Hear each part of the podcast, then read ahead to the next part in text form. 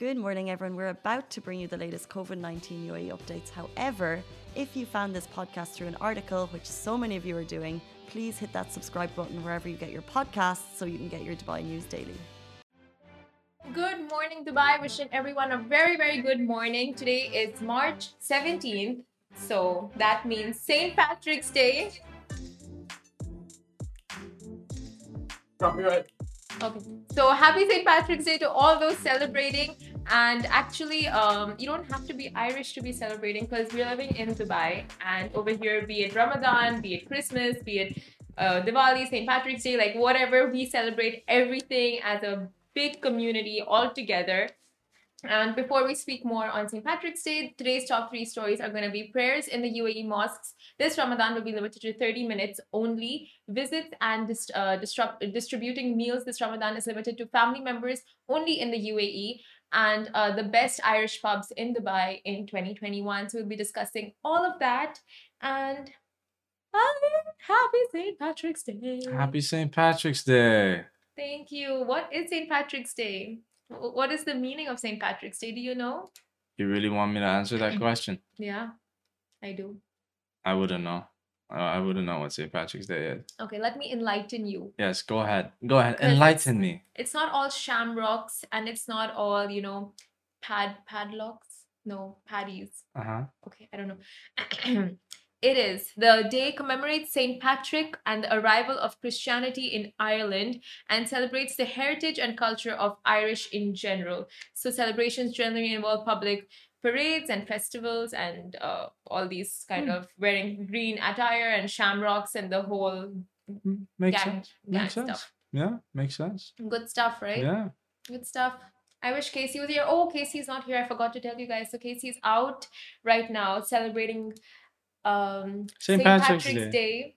Not with us, but with her with her people in McGettigan's and having a baller of a time. So yeah, we miss you, Casey. But ha- you do you, and you'll see you later today when you're back in the office. I'm sure she's gonna be wearing green, so we'll take stories of that and sh- share it with you guys on Instagram. Uh, okay. Anyway, moving on to our first story.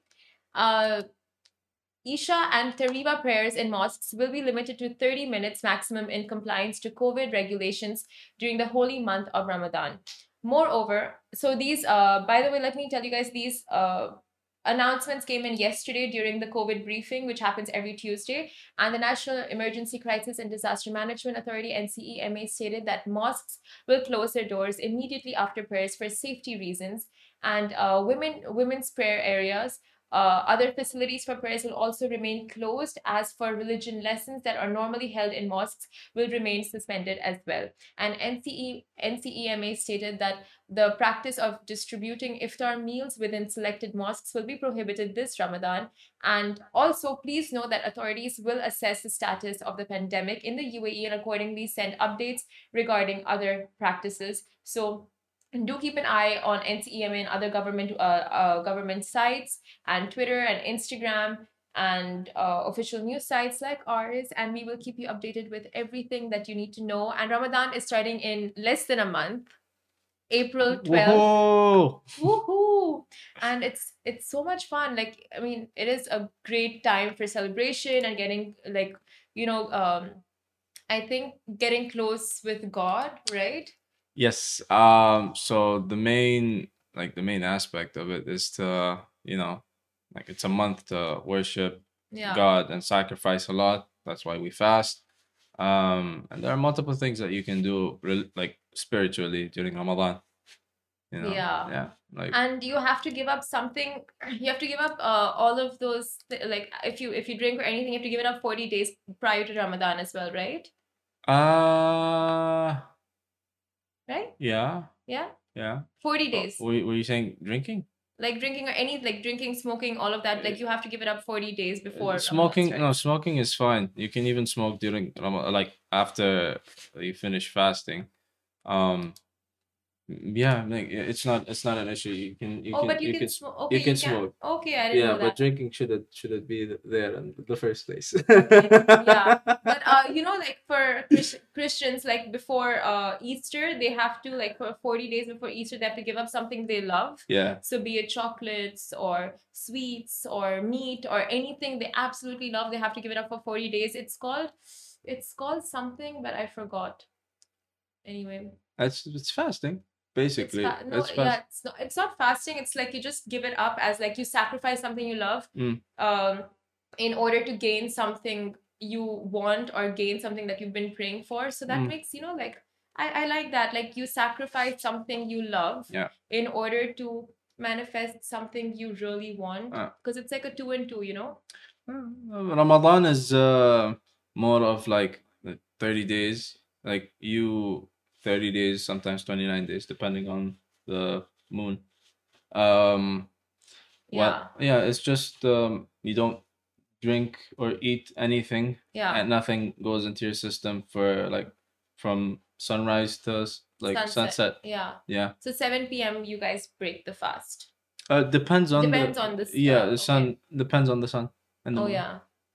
I remember two years ago, like when we were out on the, I was driving and there were these people giving away Ramadan packages like right during iftar. Mm. The radios announced like, okay, now is the time to break your iftar. The sun's gone out. I don't know. Some some announcements get made, Yeah. and they were giving out food on the streets like to all the cars, Mhm. and it, it's always such a great time. But you know, because of the pandemic, we have to take precautions. But especially because Ramadan is more like it's it's family oriented, it's Yeah. spiritually oriented, and you know, an iftar you you have all of your family uh, family around you, yeah, it's all about know, family yeah. in during Ramadan, family Yeah. and friends. family and friends gatherings, you know. Uh, Yeah. But you know, sadly, we cannot do that. Even last year, last year we couldn't do that. Last year we couldn't, but of course it's become a lot more better this year, and you can have gatherings. So more on that.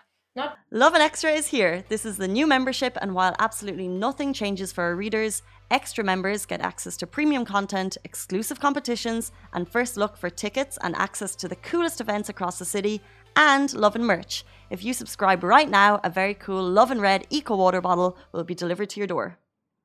Large gatherings, so uh, I'll tell you more. Socially distanced Yes, socially distanced and it's limited. Yes. So visits and distributing meals this Ramadan is limited to family members only in the UAE, while friends and family normally share dishes and break the fast together in iftar tents and visit each other. This will not be the case this year, sadly. And last night's COVID briefing revealed that the that only members of the same family and within the same house are permitted to share meals.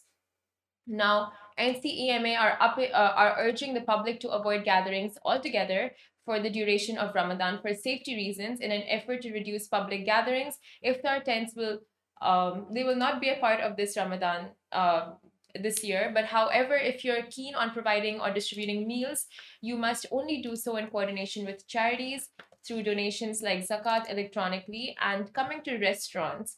This year, I mean, uh, restaurants always go all out for Ramadan and they give to the underprivileged. But yeah, this year restaurants are prohibited from giving away meals inside or in front of their venues. Uh, they are, however, allowed to deliver only to labor housing complexes with direct coordination with the management of the labor housing. Now, a quick recap on those rules. Hosting family tents, uh, hosting family tents, sharing meals in public, or distributing iftar meals in front of homes or mosques are not allowed this Ramadan.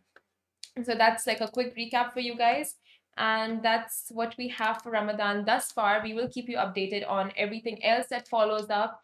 So uh, keep uh, keep tuned to our website and our lives, and you can download our app, Lovin Dubai app, where you get notified on all the major announcements made in the UAE and made in Dubai by the government, of course. So yeah, Yep. yes, and yeah, my hair it's new. it's do you guys do you guys like uh Simmons' new hair? I didn't like it in the beginning, but like I, I like it now.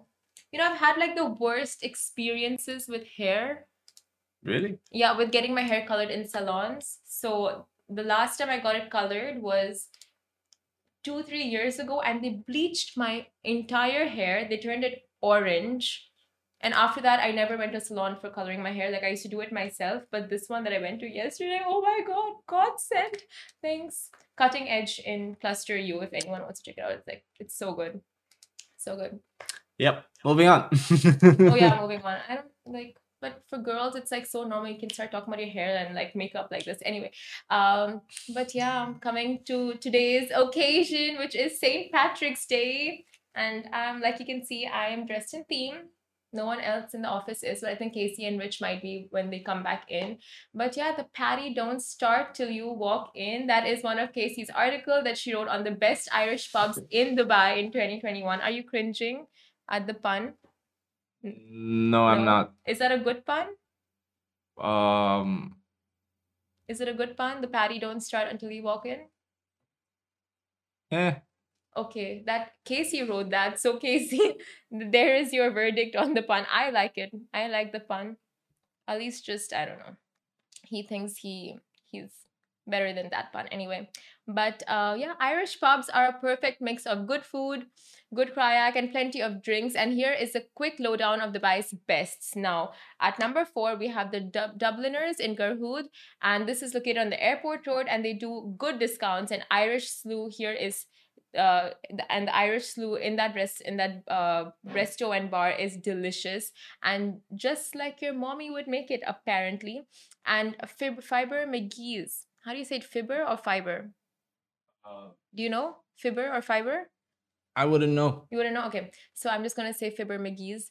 Uh, and it's in Trade Center. And this one is one of the most oldest and iconic Irish pubs in town. And it's one of the Irish in Dubai. Uh, and it's one that Irish in Dubai flock to. And on a good day, you'd find it packed to the brim, drinks flowing with live Irish music from the likes of Paddy Man, and the food is pretty good. And they do delivery as well. So if you're not in the mood to get out, you can just order in for St. Patrick's Day. And of course, McGettigan's at number two, with multiple locations across Dubai. So the ones that I know of is in JLT, uh, World Trade Center, and one in Souk Al Bahar, if I'm not wrong, unless they close it down. I don't think they close it down. But anyway. JBR?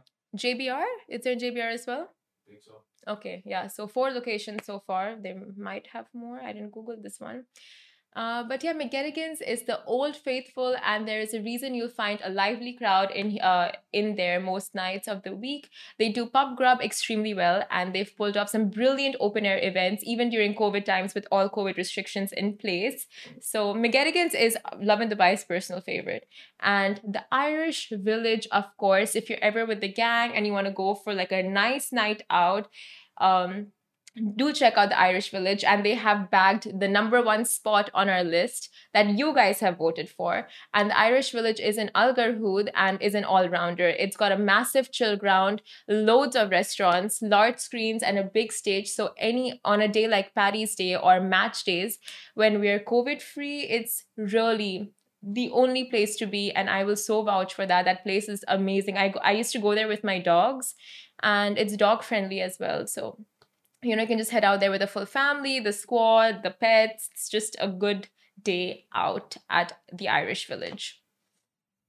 So that is it for us. Let us know in the comments if you guys are celebrating St. Patrick's Day and if you've missed Casey. Like I've missed Casey. Like don't let us know if you've missed. You can just tell her you've missed so she can read it and never ditch me on the show again. Cause yeah, it's it's better when it's the two of us, right?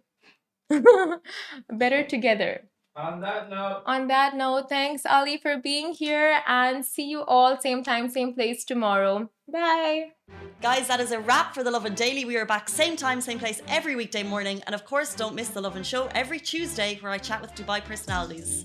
Don't forget to hit that subscribe button and have a great day.